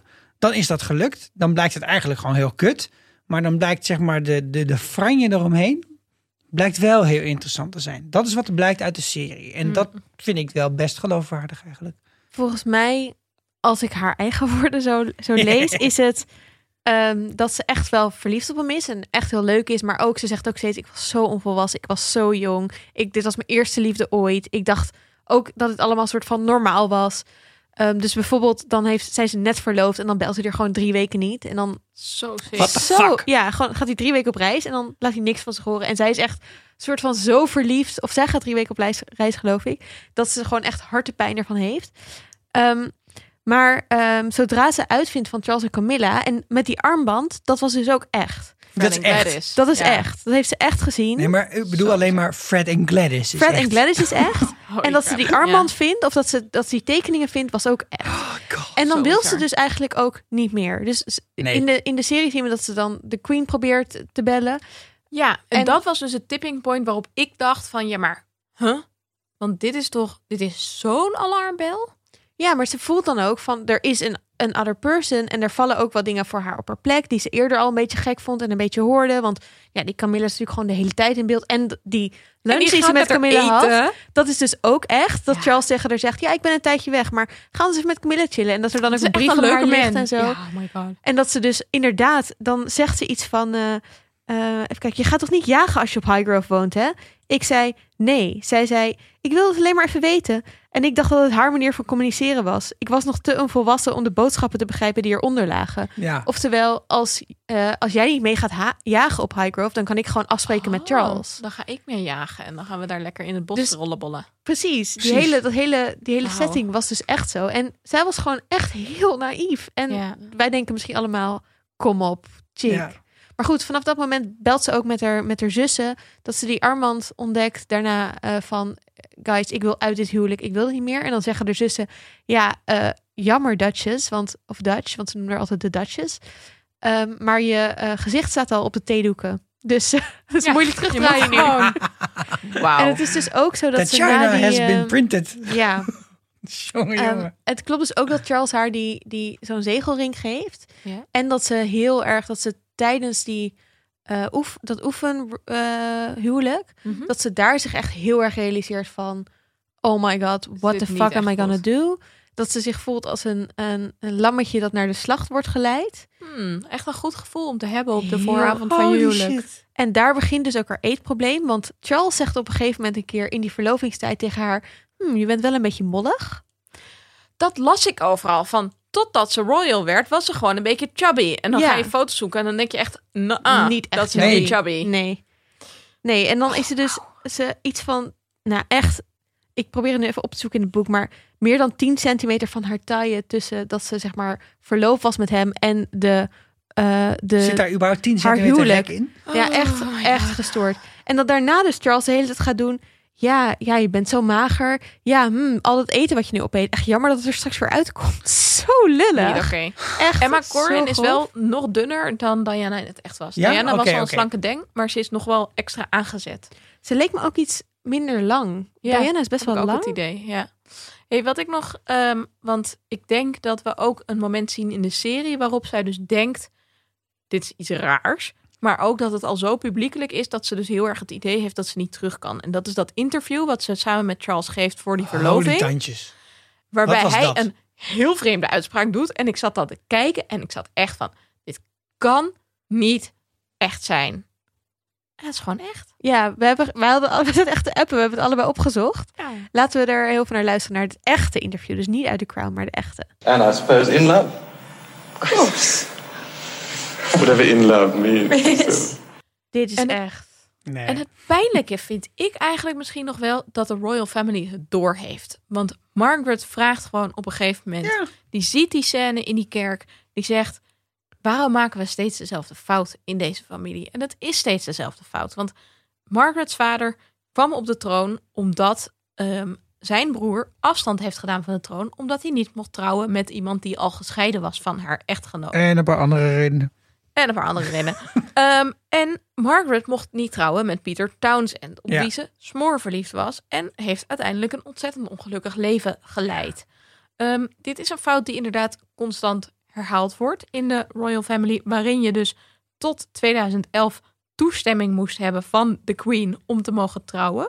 Dat was de Royal Marriage Act, ingevoerd in 1772. Echt Of het daarna veel beter is gegaan. maar zij zegt dat. Zij ziet dat. Ze zegt- Ja. vraagt aan de queen, waarom doen we dit? Philip zegt dan, als man wil ik zeggen, hij zal haar fantastischer gaan vinden. He will grow into it. Ja. Eh, Ook niet de instelling waarmee je een huwelijk aan nee, wil maar gaan. wel een beetje zijn instelling. Ja, dat is denk ik Ja, wel met zo. de kennis van nu. Maar En ook wel het idee Dat van, hij je, huwelijken niet. zijn niet perfect. En dat is denk ik op zich wel een, een gezonde insteek om je huwelijk mee in te gaan. Van er komen moeilijke momenten. Maar dat op dat moment de helpende hand ook niet wordt uitgestoken naar Diana. Maar dat alleen de queen met Charles gaat praten. En eigenlijk op hem het inpraat met je moet dit gewoon doen. En het, het komt wel goed. Het is, ja, het is echt tragisch. Ik vroeg me dus hele tijd af, waarom chillen Margaret en Diana niet meer? Ja, dat want dacht dat ik is ook. een hele logische link. Want ze zijn allebei ongelukkig doordat fucking tirannie van het Ja. koningshuis. Niet, niet meer als niet vaker, in plaats van niet zoals vroeger. Hmm, ik weet niet precies Ja, wat niet ik zei. vaker, ja. Ja, Nee, en ook, ze zijn allebei ongelukkig, maar ze zijn ook allebei best wel vrije geesten. Terwijl de Queen Ja. wil gewoon heel graag de hele tijd wandelen. En ze willen Margaret allebei... en Diana duidelijk niet per se. Ja, en ze willen allebei best wel... Ze houden ook wel van aandacht en zo. Ja. Weet Was- iemand hier een antwoord op? nee, ik, ik weet het eigenlijk niet wat het antwoord hierop is. Maar ik heb wel het gevoel dat, dat Margaret Diana probeert te redden van een vrij grote eh, misstap in haar leven. En ook een soort go-no-go moment probeert te creëren met die familie. Maar ze zegt het niet tegen de familie. Nee, of en tegen ze zegt het Diana. niet tegen Diana. nee, dat is precies, dat is wel zo. Ja. Maar heb jij insights, Esther, uit je boek? Nou, ik weet wel dat Diana zegt in die tapes over Mar eh, Margot, zoals ze er dan noemt. Dat, dat is zeg maar de Dus Familie de familie haar noemt. Ja, Ehm, dat ze daar echt een hele close band mee had. En dat ze daar heel. eh, dat dat eigenlijk van de familie een van de weinigen is waar ze. Nou ja, waar ze wel echt goed mee kon vinden. Maar ze gaat verder. Het is niet alsof als zij beschrijft over haar leven. zoals het, het Koningshuis binnenkwam of zo. dat ze daar dan iets over noemt. Mhm. Dus het, het is misschien meer iets wat ze toen ze wat ouder was. en al getrouwd was en zo ging ontwikkelen.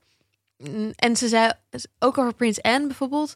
Dat ze daar wel echt goed mee kan vinden. maar dat ze niet samen zouden gaan lunchen. of samen echt iets zouden gaan doen. Maar dat als ze bij de familie zijn. dat ze dan wel het goed met elkaar kunnen vinden. Oh, zo ja. Dat je, als, je, als je dan toch op die verjaardag bent, Ja. dat je dan in het kerentje Ja, naast haar wat gaat zitten. Ik vind dat ook meer zegt over de rest van de familie. Ja, een soort van, ja. ja. met Anne en Margot kan ik dan wel chillen. en de rest is gewoon echt heel nou ja, want degene met wie ze wel gaat lunchen, laten we het daar even over hebben.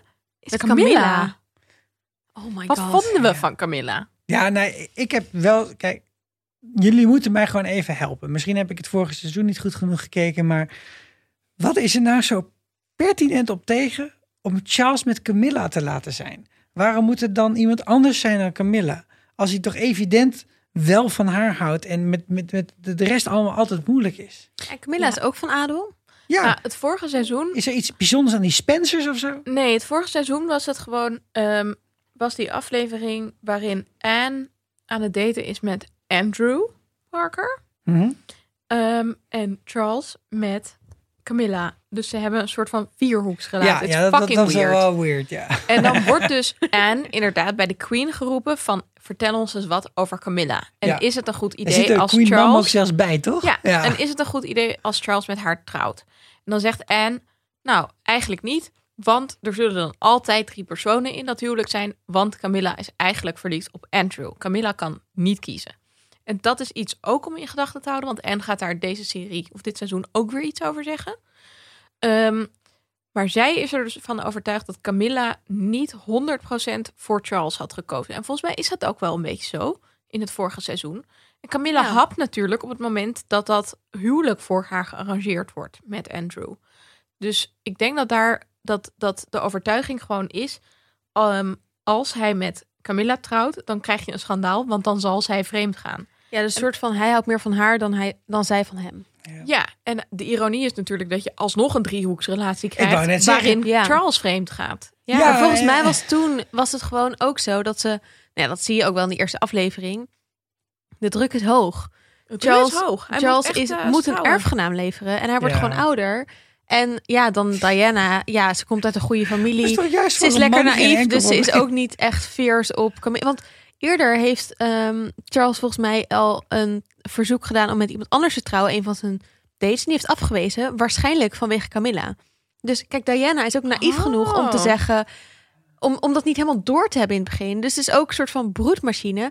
En ze zegt zelf ook dat Holy na de dood van Harry, of na de, sorry, na de geboorte van Harry, dat ze toen vanaf toen voor haar dat huwelijk eigenlijk over was. Ja, Hoe hij heb je gedaan wat je moet doen. Twee Ja. troonopvolgers leveren. Dus En één hij zegt reserve. dan, oh, rood Kill haar. spare. Hmm. En oh, het is geen meisje, ik wilde een meisje. En dan Oh. breekt soort van haar hart en dan is het soort van oké, fuck you. Maar eh, eh, voor hem crap. dus ook. Je hebt troonopvolger, je hebt, je hebt twee troonopvolgers, dus eentje en de reserve. Nu is het klaar. Ja. Nee, maar hij is 33 hè, op het moment dat ze trouwen. Dus het is voor een man inderdaad niet zo'n probleem. Maar die royals trouwen over het algemeen best wel vroeg. Dat is zo. Dat is... En je moet natuurlijk inderdaad zo snel mogelijk de lijn veiligstellen. Want stel dat Charles geen offspring kan krijgen.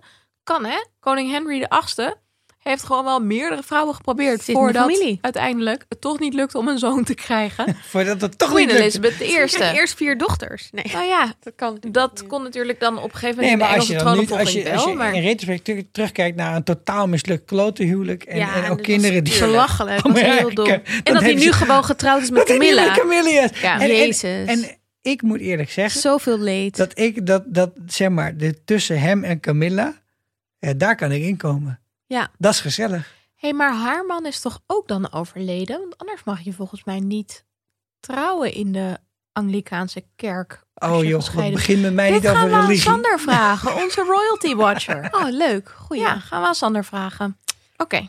Ehm, maar sowieso vond ik het ehm, eh, heel tragisch om te zien hoe, dus nog los van Camilla, hoe die Diana aan haar lot wordt overgelaten. dus- ja. als ze eenmaal, dus ze moet verhuizen naar het paleis. En dan zegt de een politieagent die haar huis bewaakt ook tegen haar: Nou, dat is je laatste dag in, eh, in vrijheid. Nu je naar de laatste dag voor. En dan, dan realiseert ze zich eigenlijk pas echt. Wat ook wel iets zegt over dat ze alleen maar denkt: Oh jee, ik word queen. En dan, oh ja, hmm, dit is niet zo Maar makkelijk. het is misschien ook niet zo raar als je net een weekend in Schotland bent geweest. En dat is het dan. Dat je daar gewoon gezellig ibbel, dibbel, ibbel, bla bla hebt gespeeld. Ja, en dat hele familie En met is... gaan jagen met Yay. Philip, 's ochtends vroeg. Dat je denkt, nou, mijn nieuwe leven is dat ik om half zes wakker word gemaakt om te jagen. Maar oké, fijn. Ja, lachen ook, hè? Dat ze gewoon binnenkomen, gordijnen open, tjik-tjak. Je, Ja. gaat, je gaat jagen. Maar dat, dat bedoel, dat is wel anders dan, oké, en nu heb je drie maanden om je voor te bereiden op je huwelijk. Maar veel plezier, doei. Maar het was dus gewoon echt dat niemand haar enige instructie over wat dan ook gaf. Dus niet welke. Dus Ook de eerste jurk die ze aan. Nou, die oma dan soort van wel, maar daar had ze geen goede relatie mee. Haar die eigen heeft- oma dus, hè? haar eigen maar dat is dus niet iemand uit de royal family. Nee. Nee, en die heeft haar eh, moeder heel erg verraden in een rechtszaak toen haar ouders gingen scheiden. Heeft de oma, dus de moeder van haar moeder volgens mij, slecht of negatief over haar eigen moeder bij die rechtszaak Ja. gepraat. en daardoor heeft die vader de eh, Voogdij gekregen. voogdij gekregen. Dus Diana heeft helemaal geen goede relatie met haar. En later heeft zij ook Diana best wel verraden door heel negatief over haar te praten. Dus ja, dat is gewoon best wel een niet zo aardig In die iemand. familie zaten dus, was al wel bekend dat er veel mental health dingen waren. Ja. Think? En eh, ja, nee, dus dat, eh, dat was een ding wat al onder de Britse adel Maar het was ook zo erg, want ze kreeg dus super veel pers hè, de hele tijd. Ik bedoel, was toen al zo. En dat is ook een beetje zo'n voorbode van haar dood natuurlijk. Mhm. Maar dat was echt, iedereen was totally, oh my god, Diana, bla bla bla. En dan ehm belde ze soms met Charles en dan moest ze huilen daarover. Van, oh, want ze wist gewoon echt niet wat, wat er overkomt. Ze moest zeg maar ehm, haar auto, in de auto van iemand anders gaan rijden. En zo, toen woonde ze nog gewoon in Londen en ze kon echt nergens heen. En dan zei Charles, eh, of dan, dan belde ze soms met het persbureau van het paleis. En die zeiden, ja, je staat alleen. Die, die deden gewoon niks. En dan ehm, belde ze prins Charles en dan zei hij, oh, of dan belde hij haar, sorry. En zei hij, oh, arme Camilla. Ja, ik heb haar vanavond aan de telefoon gehad en ze zei dat er heel veel pers is op Bolhide, waar zij woont. Ja, ze heeft het echt heel moeilijk. En dan zei, die, dan zei ze, hoeveel journalisten zijn er dan? En dan zei hij, ja, zeker vier. En dan dacht ik, mijn god, hier zijn er wel 34. Maar dat zei ik hem nooit. Nee. Ja, ik heb Oh. nooit geplaagd, geklaagd over de pers tegen hem. Omdat ik vond dat ik me niet in die positie bevond. Ja, hallo. Nou, dat vind ik dus wel af en toe dat ik denk, nou, spreek je ook uit. Maar goed, ze is Maar dat dus vind ook ik ook heel in jong. dat boek wel hoor. Want Nou, ze ik is- denk vooral ja. vanuit het Koningshuis gezien van, gast, denk even na. Of zo. Zo Ja, lullig. Dit Maar is sowieso, een PR-disaster. de Oh. pers, te hebben. mensen van Charles, en dat gaan we later in het seizoen ook nog zien, zijn gewoon alleen maar bezig met hem super goed in het nieuws brengen. Ja. En voor haar is het gewoon, oh ja, zij is zijn vrouw, zij is een Aanhang. bijrol. En wat ik ook nog wel grappig vond, is dat mensen in het Koninklijk Huis ook heel erg hebben gezegd van...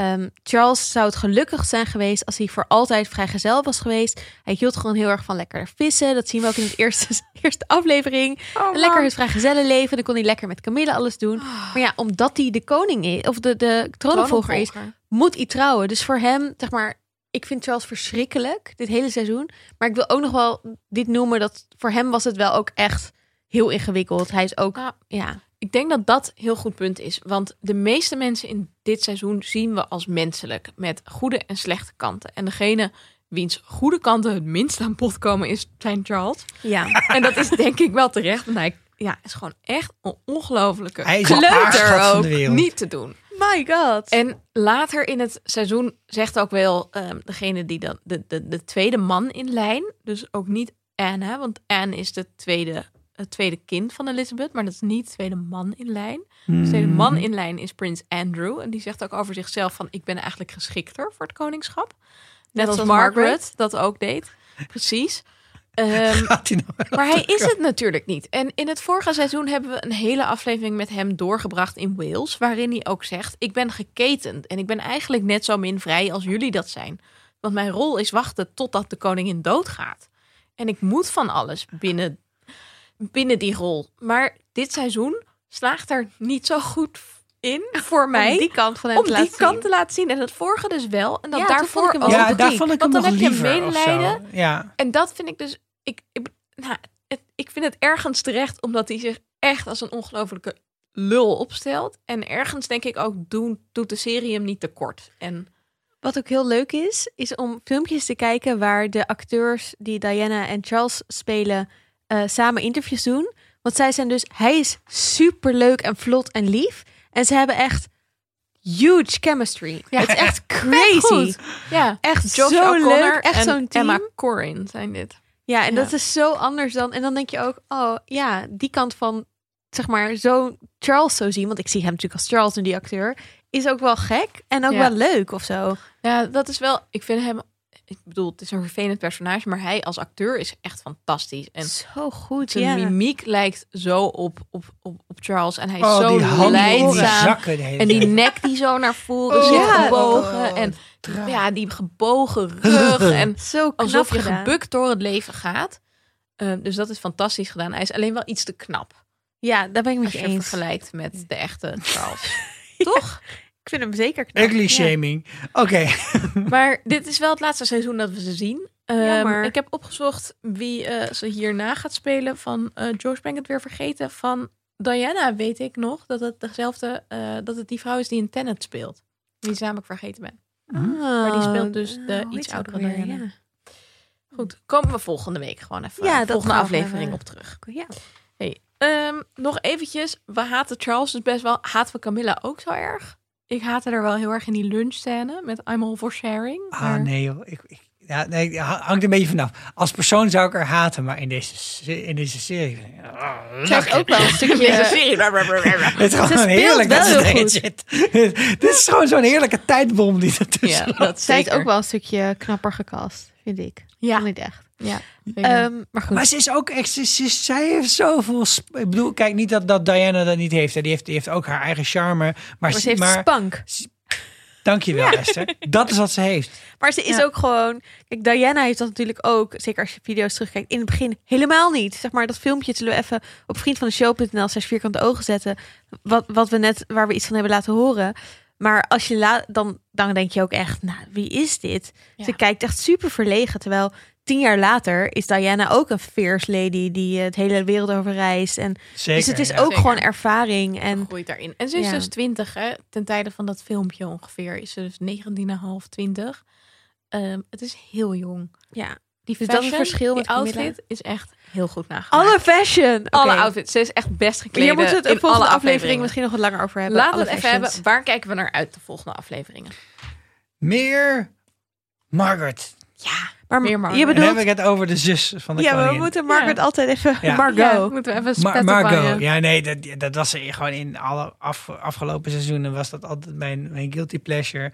Om even zo'n aflevering te hebben dat iemand, dat ze weer helemaal gek werd.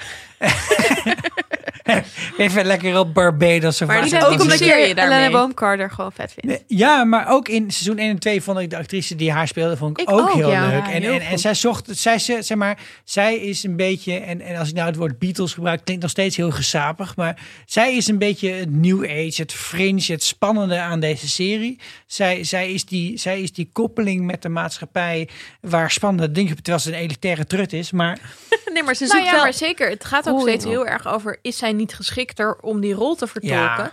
En in dat vorige seizoen wordt dat natuurlijk heel expliciet benoemd. Eigenlijk niet, want een beetje zoals met de Targaryens... je gooit een muntje op en, en ze worden of gek of niet. En zij ze is, duidelijk is in de moeilijke lijn. ja. Ehm, en dat kan heel veel problemen opleveren... omdat het te wispelturig is als staatshoofd.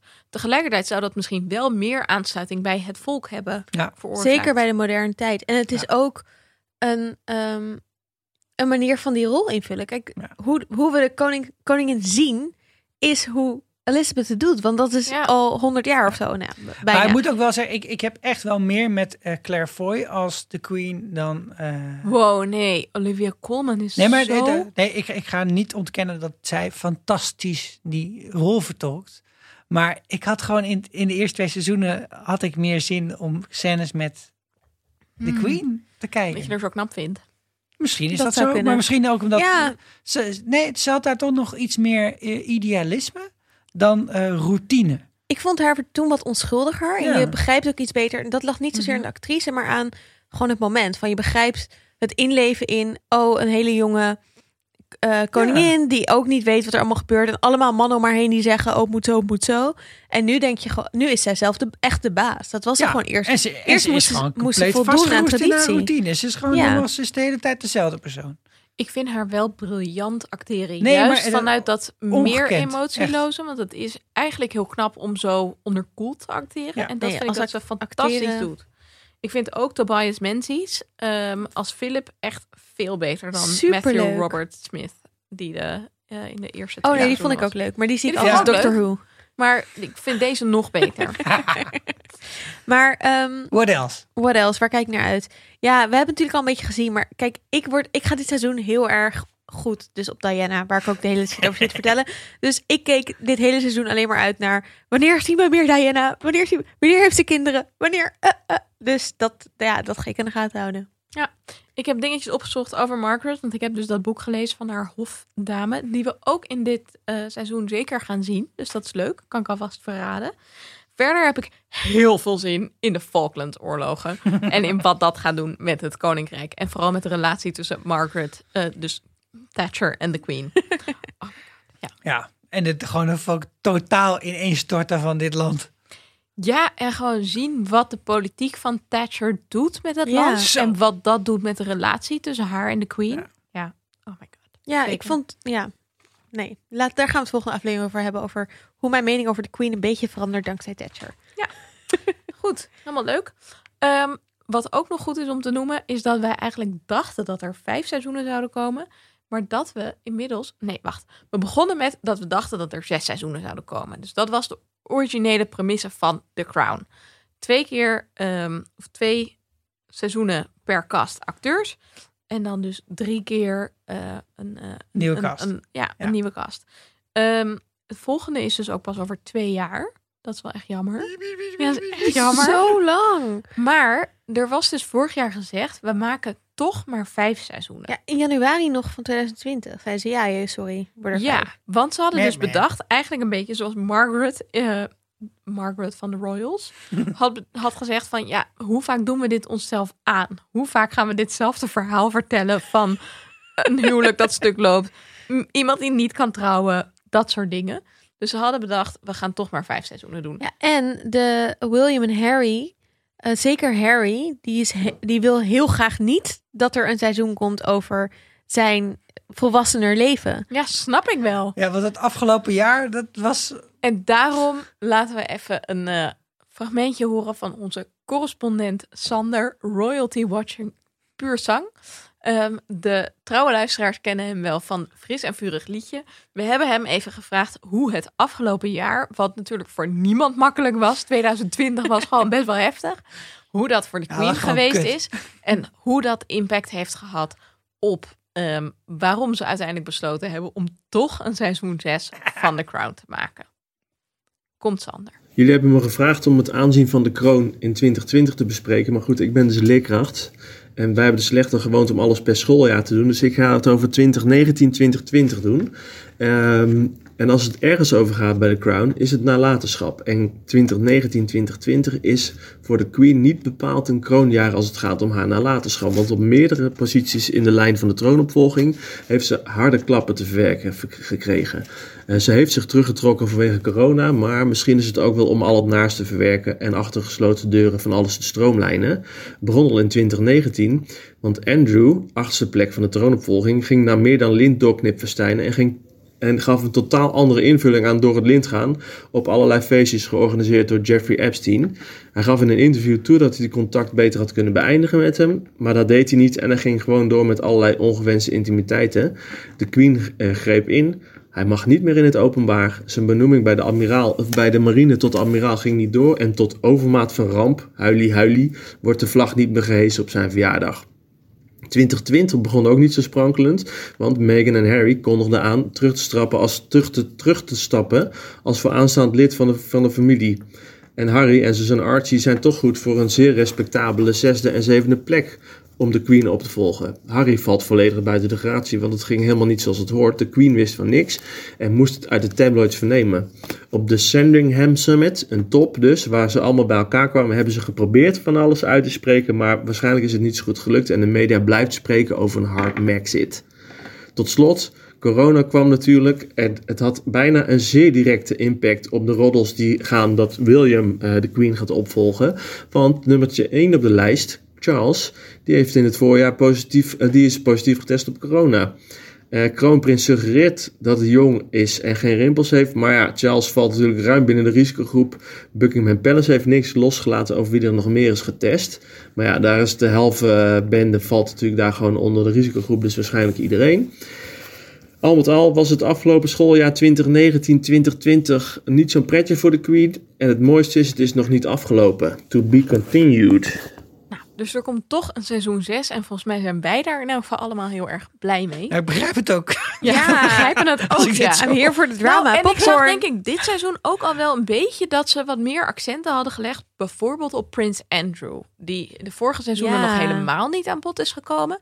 En die nu meteen al als een verwend pestventje ehm, eigenlijk eh, wordt neergezet. Dus die gaan we nog wel zien. Oh my dear lord. Ja, nee, daar staat ons nog wat te wachten.